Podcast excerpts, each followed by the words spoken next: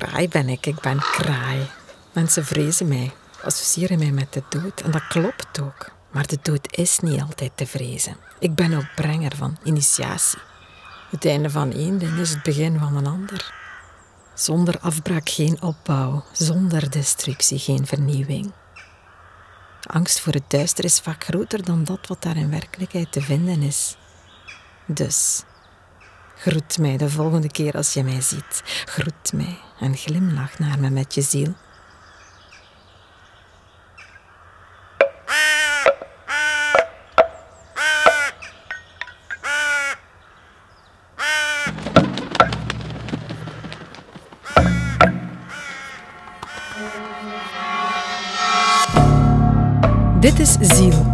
Over het onkenbare, over dat wat ligt in de domeinen waar we met de reden en de taal niet makkelijk bij kunnen. Aflevering 3: Dood en liefde.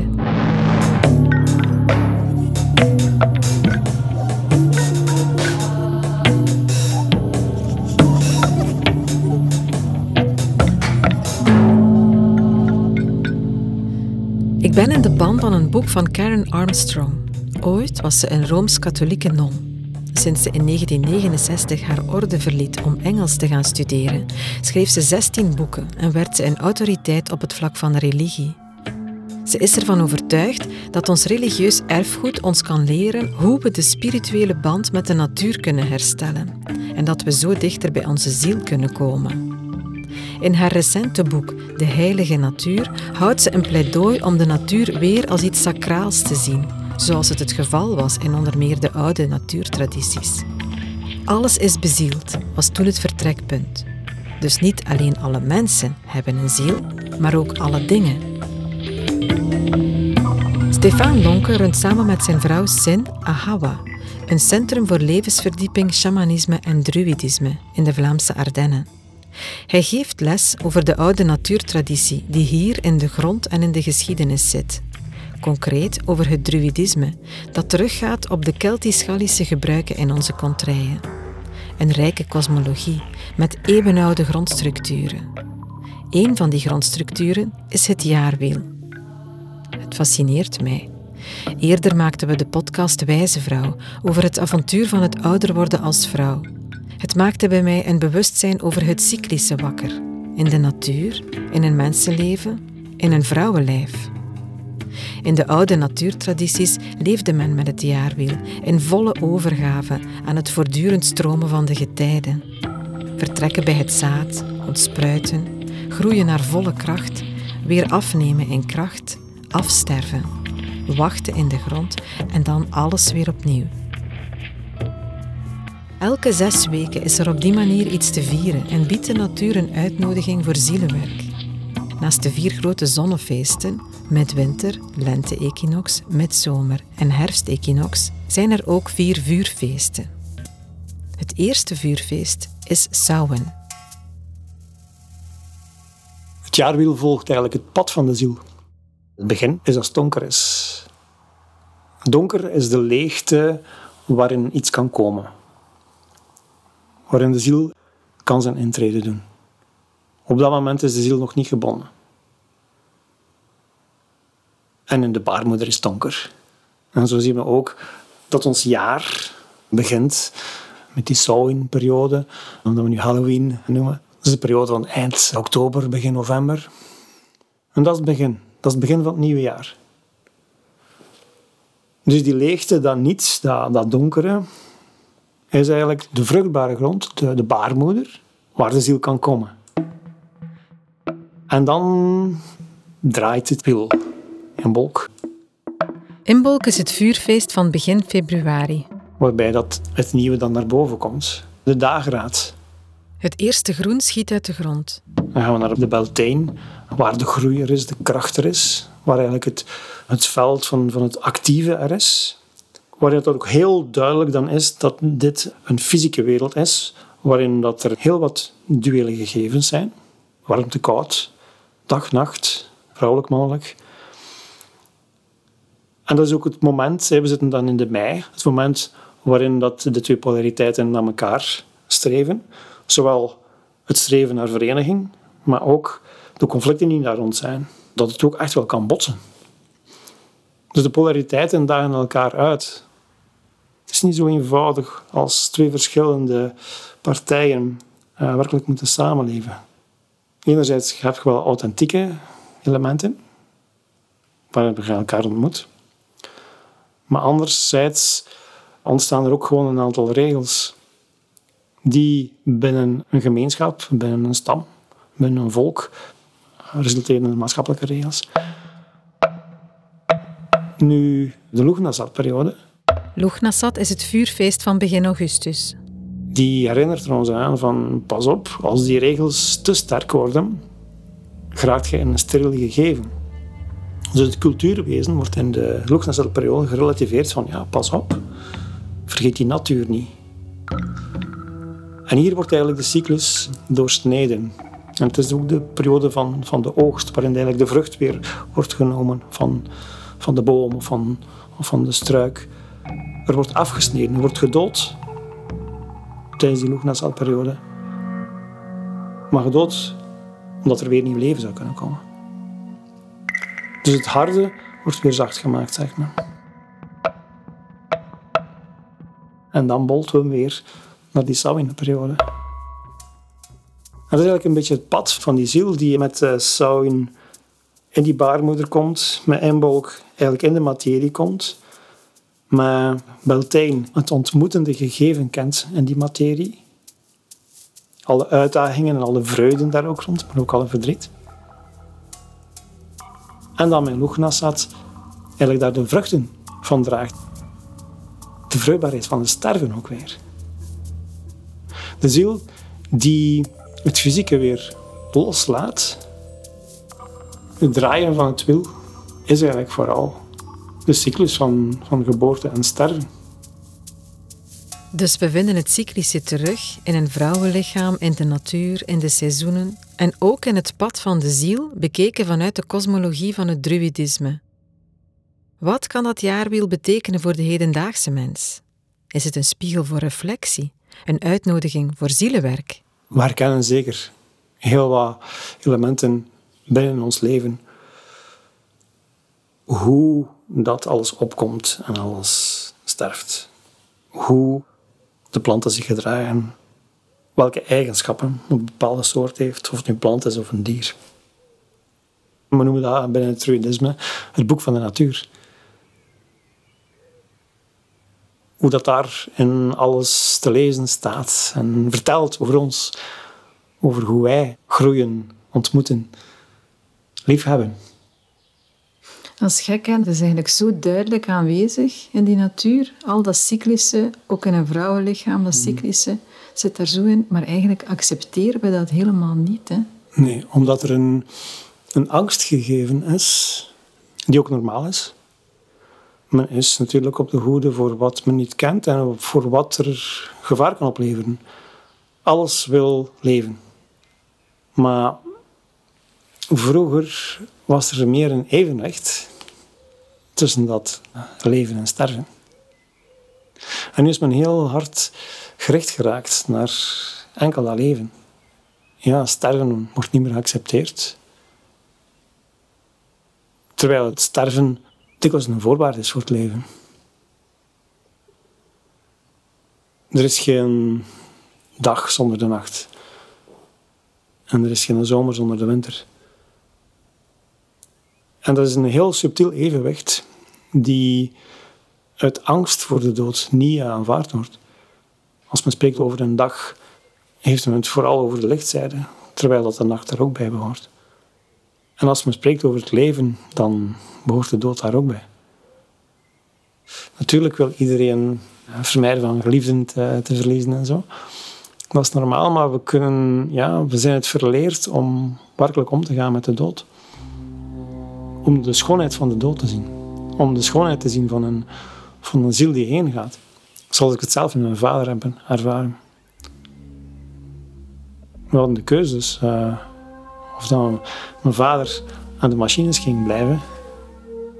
En dan, ja, binnen twee jaar misschien wel ging terug bij, bij bewustzijn komen en dan uh, opnieuw alles aanleren en zo. Terwijl de week ervoor had hij nog gezegd van... Uh, kijk, ik ben heel tevreden hoe dat mijn leven is geweest. Hadden we dan gekozen om hem fysiek hier te houden, dan hadden we hem eigenlijk gemarteld. Terwijl het was gewoon heel duidelijk van oké, dit is gewoon het moment dat het, dat het eindigt. En hebben we hem niet hier gehouden. Ben heel dankbaar dat ik, um, dat ik bij hem was en, uh, en in zijn oren kon fluisteren van het is een prachtige dag om te gaan. Jongen. Dit is het. Dus het loslaten van die ziel kan eigenlijk een heel vreugdevol moment zijn. Ook al zit dat vermengd met verdriet. Want dat gemis is er natuurlijk. En dat blijft. Ja, het is vier jaar geleden nu. En gemis is er nog soms. Maar ook de nabijheid is er wel.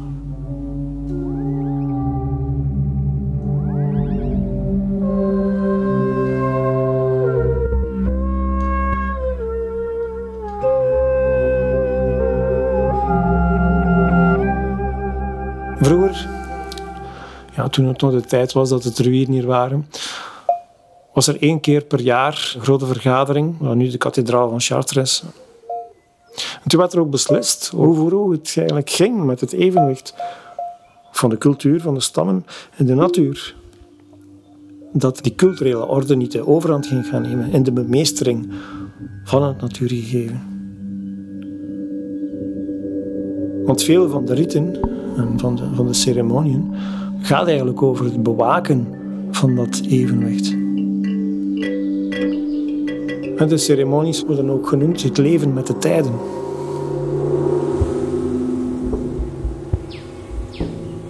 Want alles op dat wiel, dat jaarwiel, heeft zijn heel specifieke plaats van die winterperiode naar die zomerperiode, van dat sterven naar het leven en weer naar het sterven. En dat gaat binnen de mens ook zo. Eigenlijk is het de ziel van de natuur zelf die belaagd wordt door de cultuur. En de cultuur die eigenlijk een bemeestering brengt op die natuur, die buiten de orde zelf staat, die zijn eigenlijk zijn eigen orde heeft van opgaan en, en, en, ja, en weer naar beneden gaan. Van geboorte en sterven maar die een heel wild gegeven in zich heeft. Een, een, uh, een ondefinieerbaar element in zich heeft. En een cultuur bouwt zich in zijn structuren daar rond, maar kan die natuur nooit volledig eigenlijk beheersen. Zelfs wij nu, die al ja, zo hard die natuur eigenlijk gemanipuleerd hebben, neemt de mensheid weg. En ja, binnen x duizend jaar heeft dat natuur zich gewoon weer hersteld.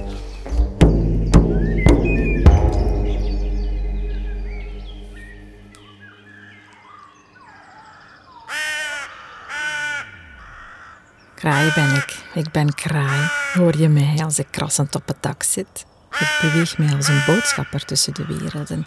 De werelden van binnen en buiten. Het verleden en het nu. Ik probeer je aandacht te trekken, hoor je me? De dingen hoeven niet altijd te blijven zoals ze zijn. Sommige zaken passen misschien niet meer. Voor jou, van jou. Trek die oude comfortabele jas maar uit. Tijd voor iets nieuws. Dus groet mij de volgende keer als je mij ziet. Groet mij en glimlach naar me met je ziel.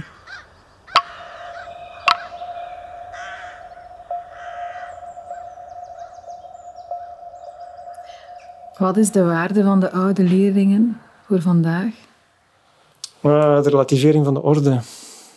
Uh, het feit dat uh, alles zo over gereglementeerd is dat de wereld steriel wordt. Men ziet het in, in het gigantisch aantal burn-outs. En mensen die niet meer connecteren met wat ze aan het doen zijn. De leegte, de depressies, mensen zoeken enorm naar zingeving ook. De oude leer kan de mens gewoon herinneren dat hij deel is van niet zomaar een, een veilig statuut, maar dat hij ook het onveilige en het risico opnieuw moet omarmen. Opnieuw durven sterven om te kunnen leven, is iets wat de, de oude leer kan tonen.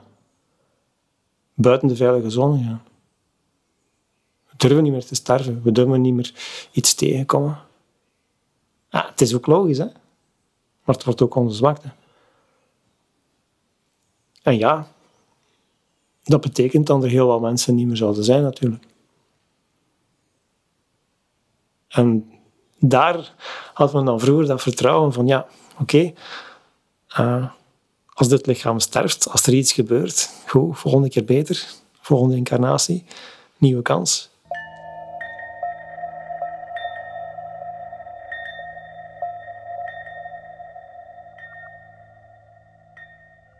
Wat ik heel intrigerend vind, is het concept van de zielenboom. Ik probeer het te begrijpen. Het is een concept dat niet alleen in de druïdische traditie voorkomt, maar ook in de Kabbalah. De zielenboom is dus de plek waar de zielen vertoeven in afwachting van een nieuwe rit. Ik moet denken aan het gesprek met Randal Kazar in de vorige aflevering, over hoe het ik van hem en het ik van mij eigenlijk hetzelfde is. De bron.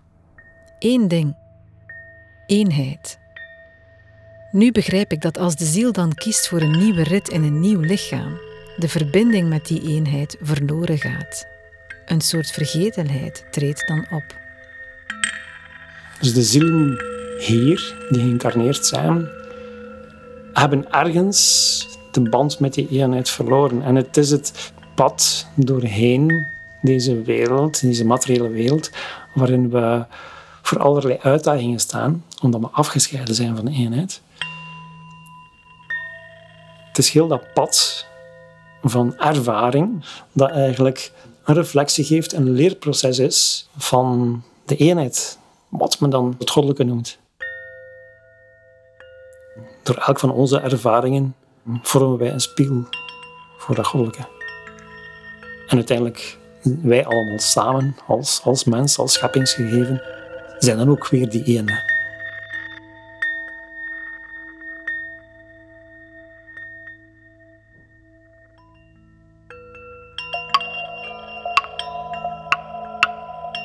Hoe zit dat dan juist volgens de druïdische leer met die ziel en hoe die in het lichaam komt en uiteindelijk na een gans leven weer vertrekt? De ziel is in de nabijheid van een, uh, een foetus. En de keer dat dat, dat mini-mensje geboren wordt, uit de moeder komt en die allereerste inademhaling heeft, met die allereerste inademhaling komt de ziel in dat lichaam. Is een incarnatie. En het woord of het concept voor adem, voor lucht, staat helemaal verband met het concept voor ziel. En voor geest ook. De oudste vorm van Awen, Awen is de geest, de grote geest, is Awela. En Awela is de wind, is de lucht. Dus met de allereerste inademhaling komt die in de mens. Dan heb je heel je levenspad. En als je de laatste adem uitblaast, verlaat de ziel weer het lichaam. Wordt uw voertuig hier achtergelaten. Afhankelijk van stam tot stam en bepaalde tradities zegt men dat de, eh, de ziel er drie dagen of, of, of, zeven dagen rond het lichaam nog blijft. Hoe het ook zij, het blijft hier een tijdje en normaal gezien gaat dan de overgang op een natuurlijke wijze. Tenzij er natuurlijk nog dingen zijn die de ziel hier houdt. Onafgewerkte processen. Maar anderzijds ook als er over nog levenden zijn die de overledene niet kunnen laten gaan. Daarom zijn er tradities waar dat verboden was, van bijvoorbeeld als iemand gestorven was, van die naam te vernoemen. Voor een bepaalde tijd. Omdat je die bleef terugroepen? Ja. Jij doet ook stervensbegeleiding? Ja. Is dat dan zielenwerk? Dat is zielenwerk. Dat is werkelijk gaan connecteren met het pad dat een ziel hier geleid heeft. En gaan voelen van, kijk, is dat afgerond? Liefst nog als de persoon leeft. Dus werkelijk op de laatste maanden, weken, dagen. Ja, ga je eigenlijk nog die laatste passen van dat pad met die persoon. Ga je gaan doorvoelen van ja, um, hoe voel je? Hoe is het voor jou nu? Moeten er nog dingen afgerond worden? Hoe is het ook met de naasten? Wat voor wensen zijn er nog? En wat wil er nog allemaal uitgesproken worden? Dus je gaat eigenlijk ja, nog voor een laatste moment echt mee met die persoon die het leven gaat, gaat verlaten eigenlijk. En dan is er het moment dat de ziel effectief het lichaam verlaat. En je zit er wel of niet bij. Ja, dus je kunt dat niet voorspellen natuurlijk wanneer dat gaat gebeuren. In het beste geval is dus alles mooi afgerond en is iemand klaar om over te gaan. Maar ook even vaak gebeurt het dat er nog van alles hangende is als iemand overgegaan is. En daarvoor zijn ook die overgangsrituelen. Zodat de ziel eigenlijk kan uh, alles wat er nog aanhangt, van onopgeloste zaken, verdriet, trauma's of, of wrok, wat dan ook, kan worden gelost. En ook naar de, naar de omstaanders toe, naar de naasten toe.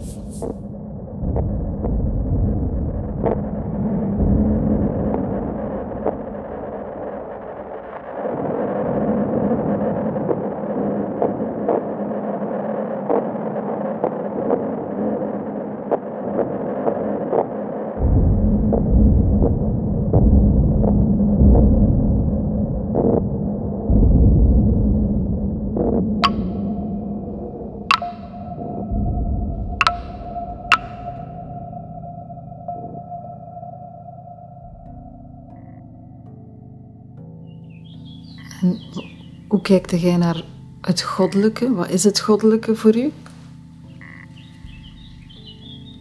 Het goddelijke voor mij is dat element van eenheid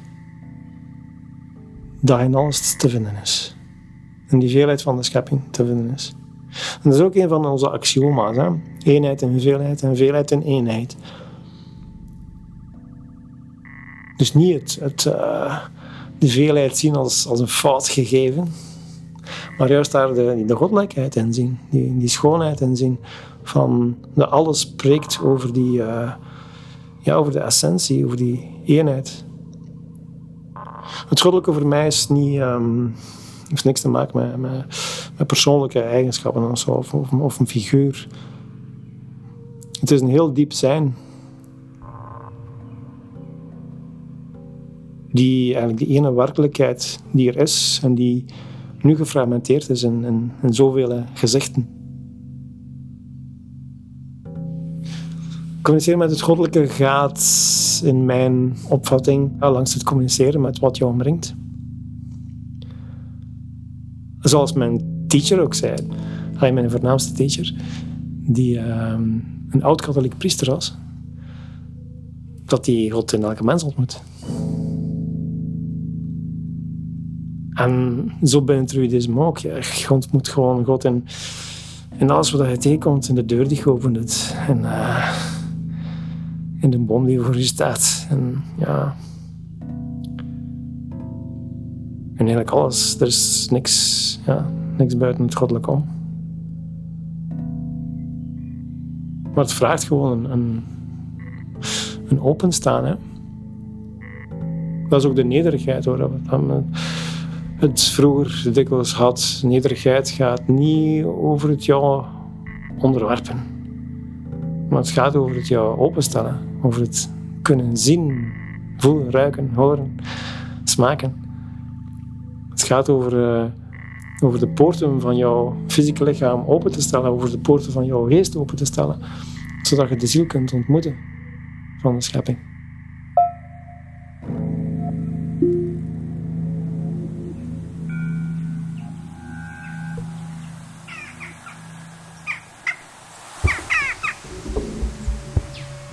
Kraai ben ik. Ik ben kraai. Ik ben een aaseter en vele kompanen met mij. Dat wat er niet meer moet zijn, dat ruim ik op. Dat wat ontzield is, neem ik tot mij.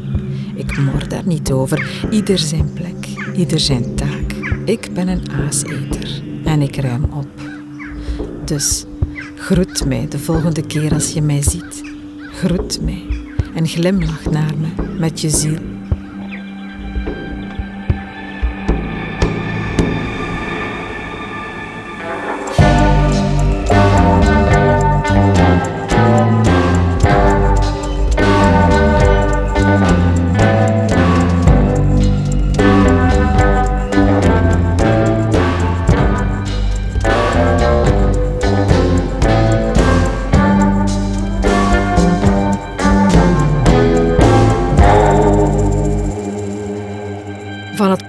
Terug naar de stad. In kunstencentrum 404 ontmoet ik rapper en socioloog Fatih de Vos. Ruben, met wie ik deze podcast maak, leerde Fatih kennen via sociaal-artistieke projecten met jongeren en was sterk onder de indruk van zijn aanpak en zijn zijn. Een soort van streetwise spiritualiteit, met hoog in het vaandel liefde. Fatih en ik installeren ons in een van de torenkamers om rustig te kunnen praten. Ik ben opgevoed door mijn moeder als katholiek. Mijn mama is Vlaams, uit Eeklo. Lembeke eigenlijk. Uh, mijn papa is uit Immerda altijd moslim geweest, niet anders gekend. Mijn moeder heeft mij wel en zeker ook mijn grootmoeder heeft mij wel van het katholicisme meegegeven. Mijn papa heeft mij wat van islam meegegeven. Maar ik heb eigenlijk altijd zelf mijn eigen weg gevonden. Um, ik heb ook even zedenleer gedaan op school, om maar iets te zeggen ik ben vooral geïnteresseerd in de kern die heel veel zaken gemeen hebben met elkaar. En de ontstaansgeschiedenis daarvan, hoe, hoe gelijklopend dat die vaak is in verschillende delen van de wereld.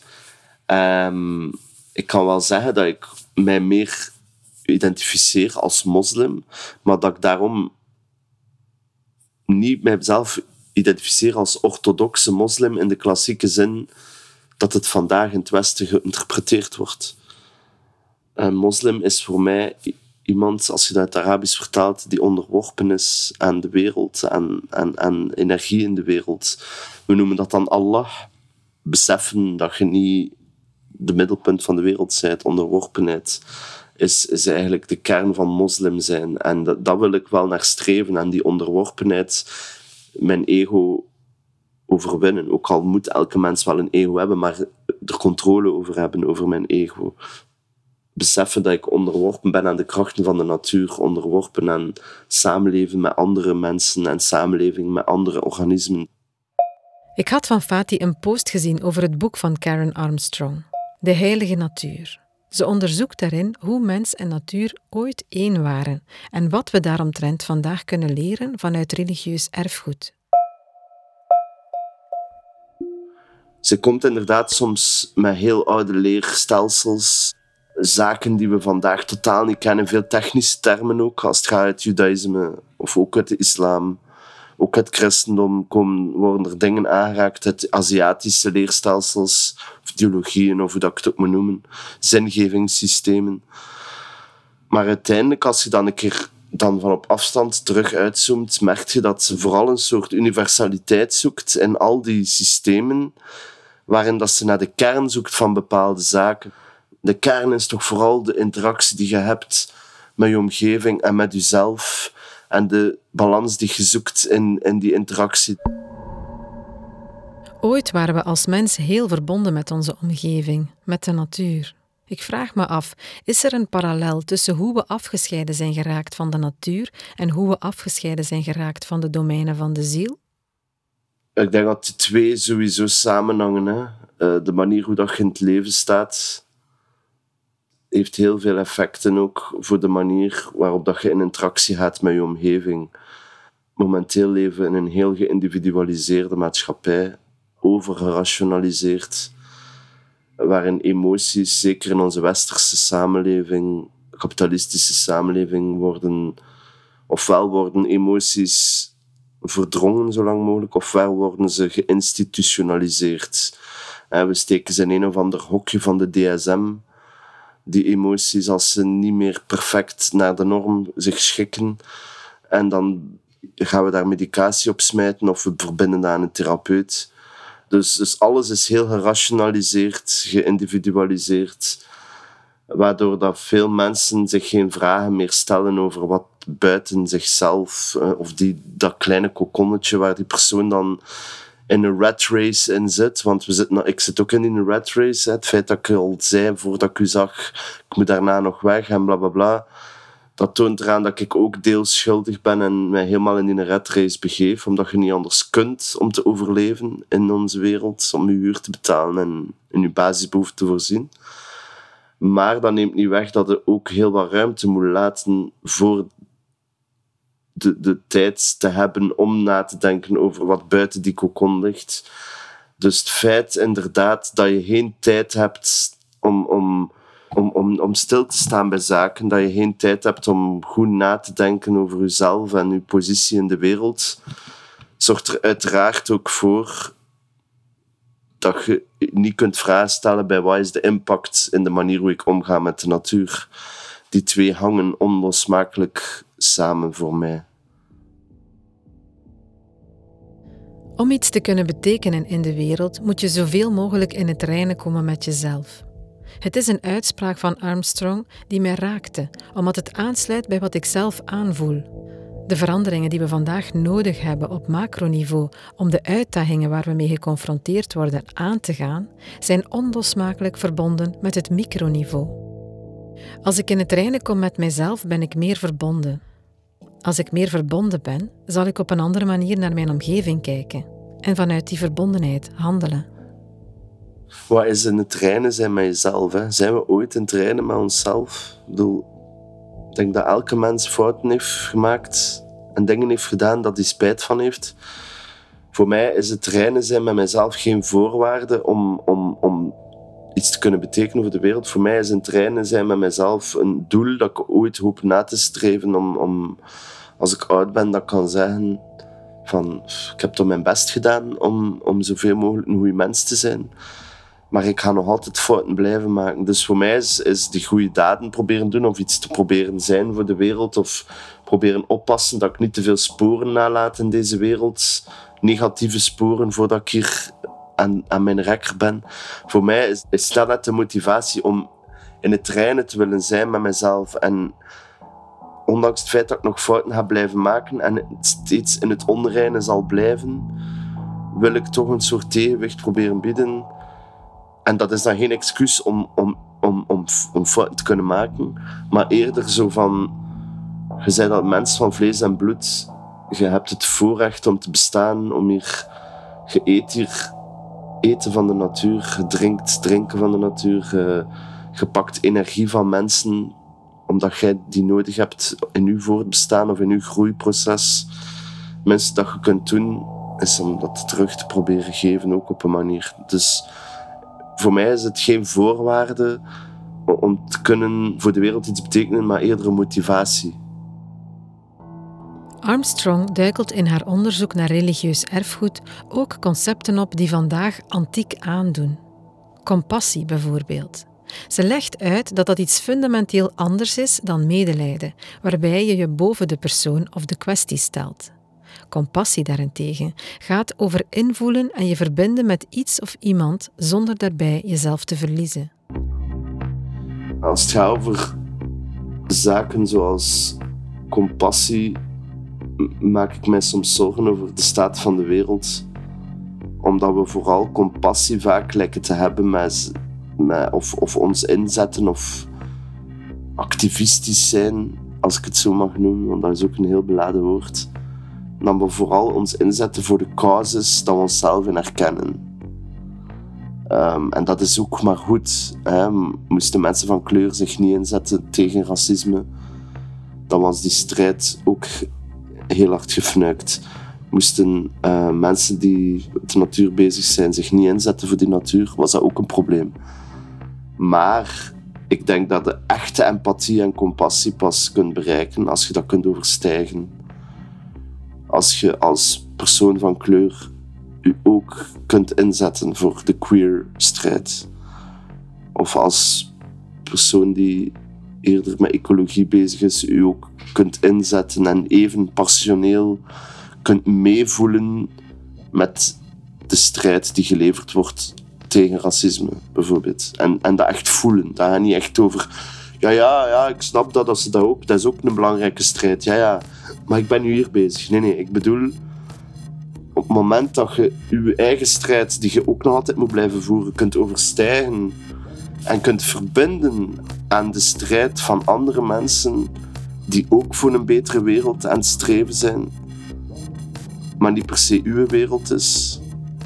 En als je die strijden even gepassioneerd kunt voeren en even meegaand en voelend, dan heb je echte compassie bereikt, denk ik. En ik heb dat, ben daar nog mee bezig.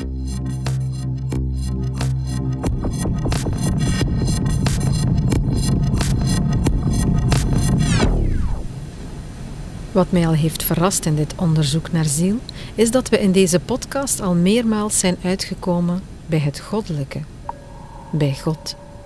Zelf ben ik gedoopt en katholiek opgevoed om dan in mijn puberteit te gaan lopen van dat geloof. Als puber had ik niet kunnen geloven dat ik nu, als bijna 50-jarige, met zoveel interesse terug zou keren naar het idee van God en het goddelijke. Volgens Fati moet je niet per se religieus zijn om te spreken over God. Ik durf wedden als je uit verschillende delen van de wereld mensen zou plukken die tot verschillende zingevingssystemen behoren, die niet weten van elkaars bestaan. En dat kan bijvoorbeeld een native indigenous person zijn uit Amazonewoud, die gezet naast een Soefi-geleerde uit Iran en gezet die naast een Chinese, Confuciaanse of whatever. Uh, snap wat ik bedoel, hè? Zet al die mensen vanuit heel de wereld samen in een ruimte en er zullen heel veel gemeenschappelijke zaken uitkomen.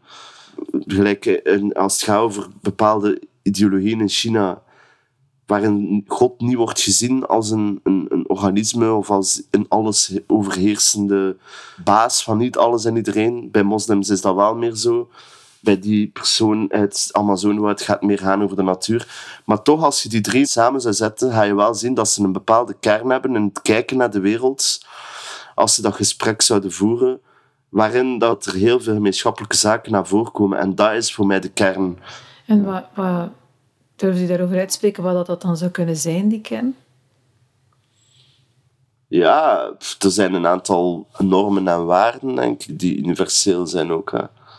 Naastenliefde en naaste liefde zo breed mogelijk geïnterpreteerd. Dat gaat niet enkel over liefde voor uw naasten, maar over liefde voor alles wat dat nabij is. En, en dat, dat, dat gaat niet enkel over mensen, dat gaat over de natuur die heel nabij is, uh, onze hele planeet. Um, over elke mens, want elke mens is nabij. Moest je kijken naar hoe mensen verbonden zijn met elkaar, kun je altijd wel linken zien en gaan zien dat heel de mensheid gelinkt is aan elkaar.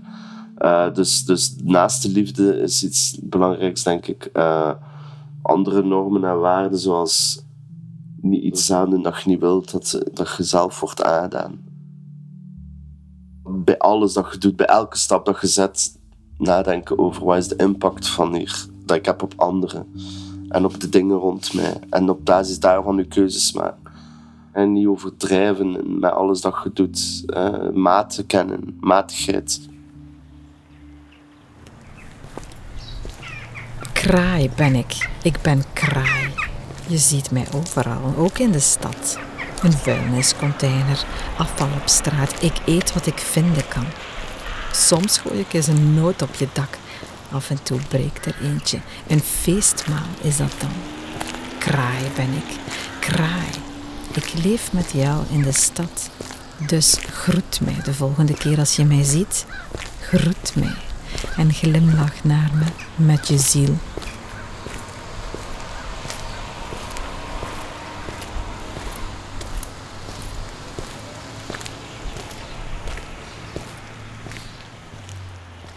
Wat is voor u goddelijk? Energie voelen van mensen of, of voelen dat jij impact hebt gehad op iemands energie of kijken naar de wereld. Ik ben bijvoorbeeld jeugdwerker en uh, ik werk heel veel met jongeren in gevangenissen en jongeren in moeilijke omstandigheden. En je merkt dat die vaak zo worden opgeslorpt door het systeem en door de rat race en door de context waarin dat ze bevinden, dat die mensen nooit de tijd of de luxe of het privilege hebben om stil te kunnen staan. Want Het is niet dat we mensen kunnen verwijten vaak dat ze niet genoeg stilstaan en nadenken.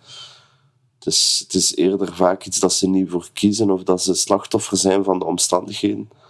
En zeker bij de jongeren zie je dat ook vaak. En ik probeer net door middel van creativiteit wel de jongeren even een pauze te gunnen om, om na te denken, om daar iets creatiefs mee te doen en om daar ook mee naartoe te werken naar een resultaat. Dat kan een liedje zijn, dat kan een tekst zijn, dat kan whatever zijn, tekening.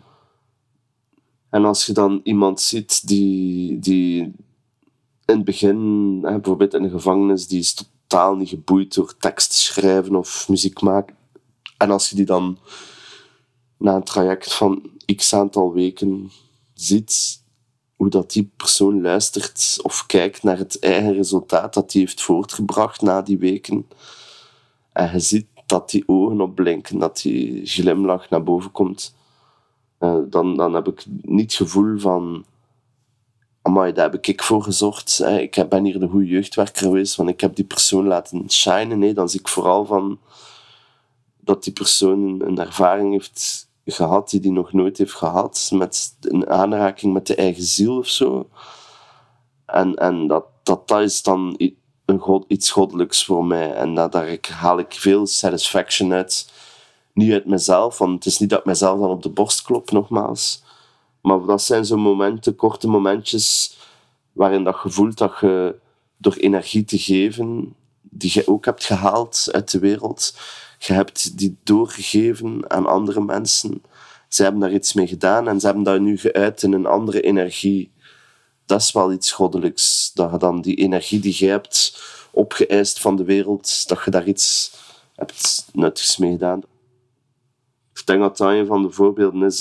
Bij mij, goddelijke zaken, zie ik vooral in interacties tussen mensen en, en zo. Waarin dat we even los kunnen denken van al die symptomen van onze tijd die, die, die ervoor zorgen dat we die connectie verliezen met hetgeen ons omringt.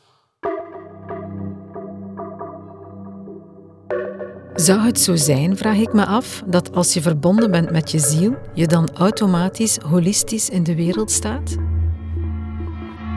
Uh, ik, ik denk dat ik soms tot holisme kom en dat daarvoor niet altijd een spiritueel dag moet hebben waarbij dat ik heel hard over mezelf heb gereflecteerd. Ik denk dat dat een visie is die ook gekomen is, uiteraard, doordat ik altijd wel met idee van zingeving ben grootgebracht. Door zowel mijn moeder, mijn vader als mijn omgeving. Maar tegelijkertijd kan ik ook door soms heel hard op mijn bek te gaan in dat rationeel systeem ook wel tot holistische inzichten komen, achteraf dan, in retrospectief. Dus het is niet dat het ene het andere moet voorafgaan. Door mij te verliezen in wereldlijke relaties, door mij te verliezen in wereldlijke doelen.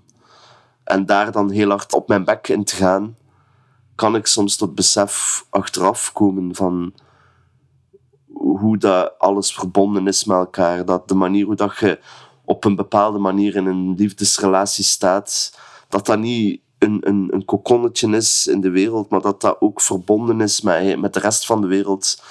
Ook dat is iets dat je soms pas leert door op je bek te gaan en resoluut binnen dat gerationaliseerd of geïndividualiseerd systeem even een muur tegen je zicht te krijgen.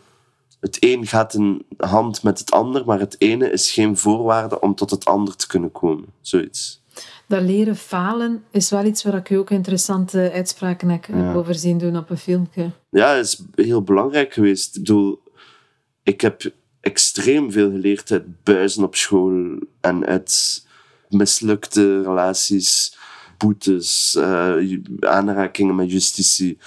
Zaken waarin dat ik volgens de theorie op mijn bek ben gegaan, maar die voor mij op mijn pad eerder een zegen waren om mij tot inzicht te laten komen. Had ik dat niet gehad, was ik een uiterst narcistisch persoon geworden, denk ik.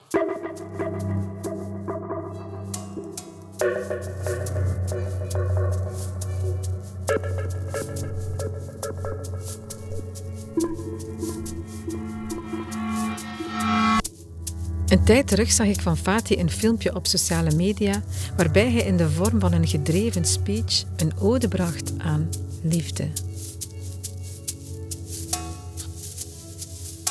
Voor mij liefde... Je moet liefde hebben voor jezelf, voor de mensen rond u, voor de dieren, voor de wereld. Ehm, en ik denk dat liefde vandaag de dag vaak te eng wordt geïnterpreteerd. En, en liefde wordt te vaak tegenover haat geplaatst. Terwijl dat je voor mij pas echte liefde kunt hebben als je ook liefde kunt voelen voor de mensen die je haat. Of liefde kunt voelen voor de mensen waar je niks mee te maken hebt. Liefde kunt voelen voor mensen waar dat je niet in herkent, of zaken waar dat je niet in herkent. Ik, ik denk dat echte liefde en ook echte empathie is op het moment dat je als persoon van kleur, of omgekeerd als racist, je kunt openstellen om te luisteren naar de ander. Ik denk dat je om iets te kunnen verwezenlijken bij die mensen, om hoop te kunnen blijven koesteren, dat je die mensen kunt overtuigen van een, een discours van liefde. Want ik denk, die mensen zijn vooral vaak mensen die zo politiek gebrainwashed zijn, of dat dan nu rechts of links of whatever is, die teren net op het stimuleren van haat en angst bij mensen.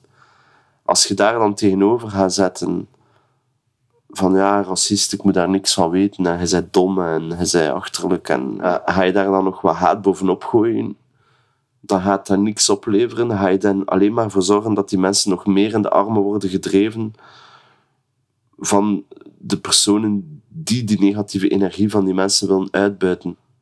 Terwijl dat ik erin geloof, toon een beetje liefde, heb een bepaald naïef basisvertrouwen in de mensheid, dat elke mens bepaalde basisbehoeften heeft, dat ook racisten misschien ook dromen en wensen hebben voor hun kinderen, die jij ook droomt voor uw kinderen. Dat zij ook noden en behoeften hebben die, die jij gemeen hebt met hen. Luister naar die mensen, erken ook die mensen in hun waarde.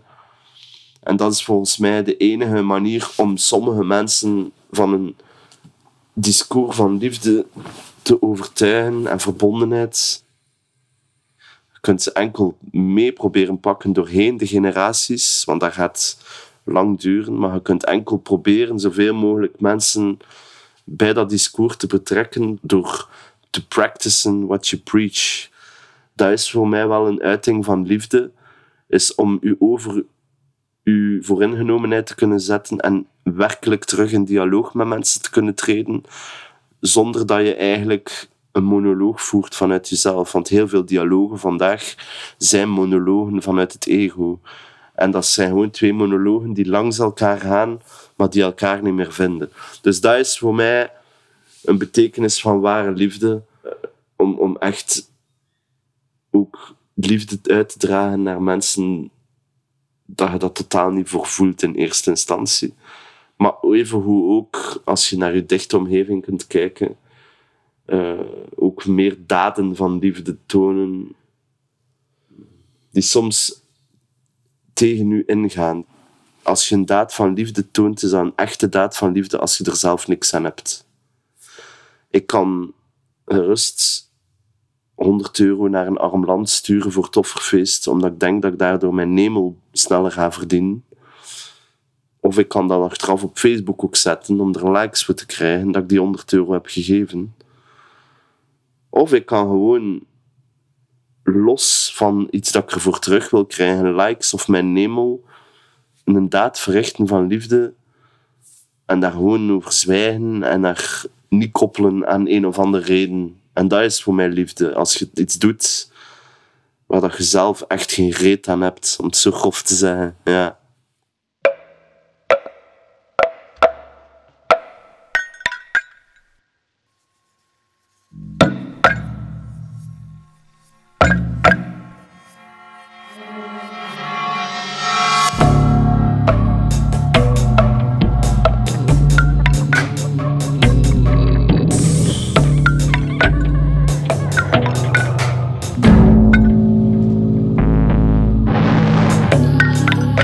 Een rit, deze zielentocht.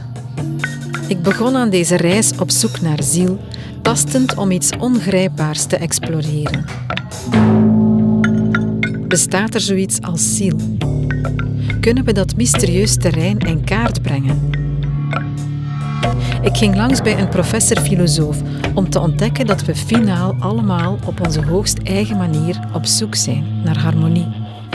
Een linguïstische nomade bracht me inzichten over de verschillende vormen van kennis vergaren, van buiten naar binnen en van binnen naar buiten. Ik ben van de tweede categorie.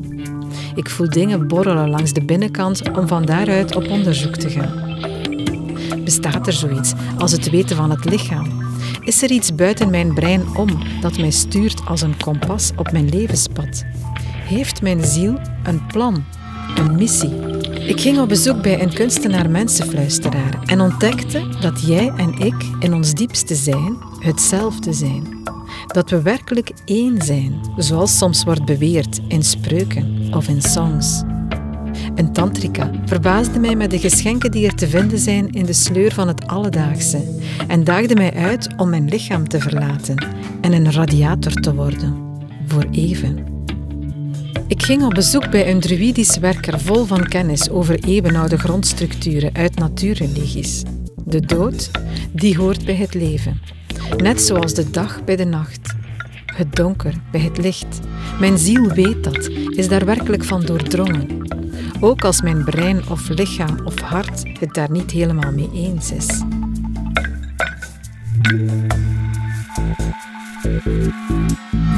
Liefde. Daar komt het finaal op neer. Niet de makkelijke varianten, maar net de minder evidente. Twee zijden van één munt, zegt de rapper-socioloog. Liefde en de ziel. Twee zijden van één munt. Dank voor het luisteren, dierbare luisteraar. Ziel is een podcast van Selkie, de audiomakerij van Ruben Nachtergalen en Eva de Grote. Dank aan Randal Kazar voor zijn kritisch oor onderweg, aan Berlinde de Man voor de klanken op Serpent en aan Sin Blokkeel voor de vocals. Deze eerste drie afleveringen waren een co-productie van Stuk, Huis voor Dans, Beeld en Geluid en CC de Herbakker, waarvoor grote dank. Heb jij van ziel genoten? Toeter er dan over op sociale media en vertel het aan al je vrienden. De volgende afleveringen kunnen er enkel komen als we middelen vinden om ze te maken. Steun ons, zodat we ons onderzoek kunnen verder zetten. Misschien ben jij een mogelijke partner of sponsor of ken je er een. Mail dan naar info.selkie.be. Misschien wil je ons concreet en rechtstreeks financieel steunen. Surf naar de steunknop op www.selkie.be. Alleszins graag tot bij een volgende gelegenheid. En ook nog de groetjes van Octopus, Hert en Kraai.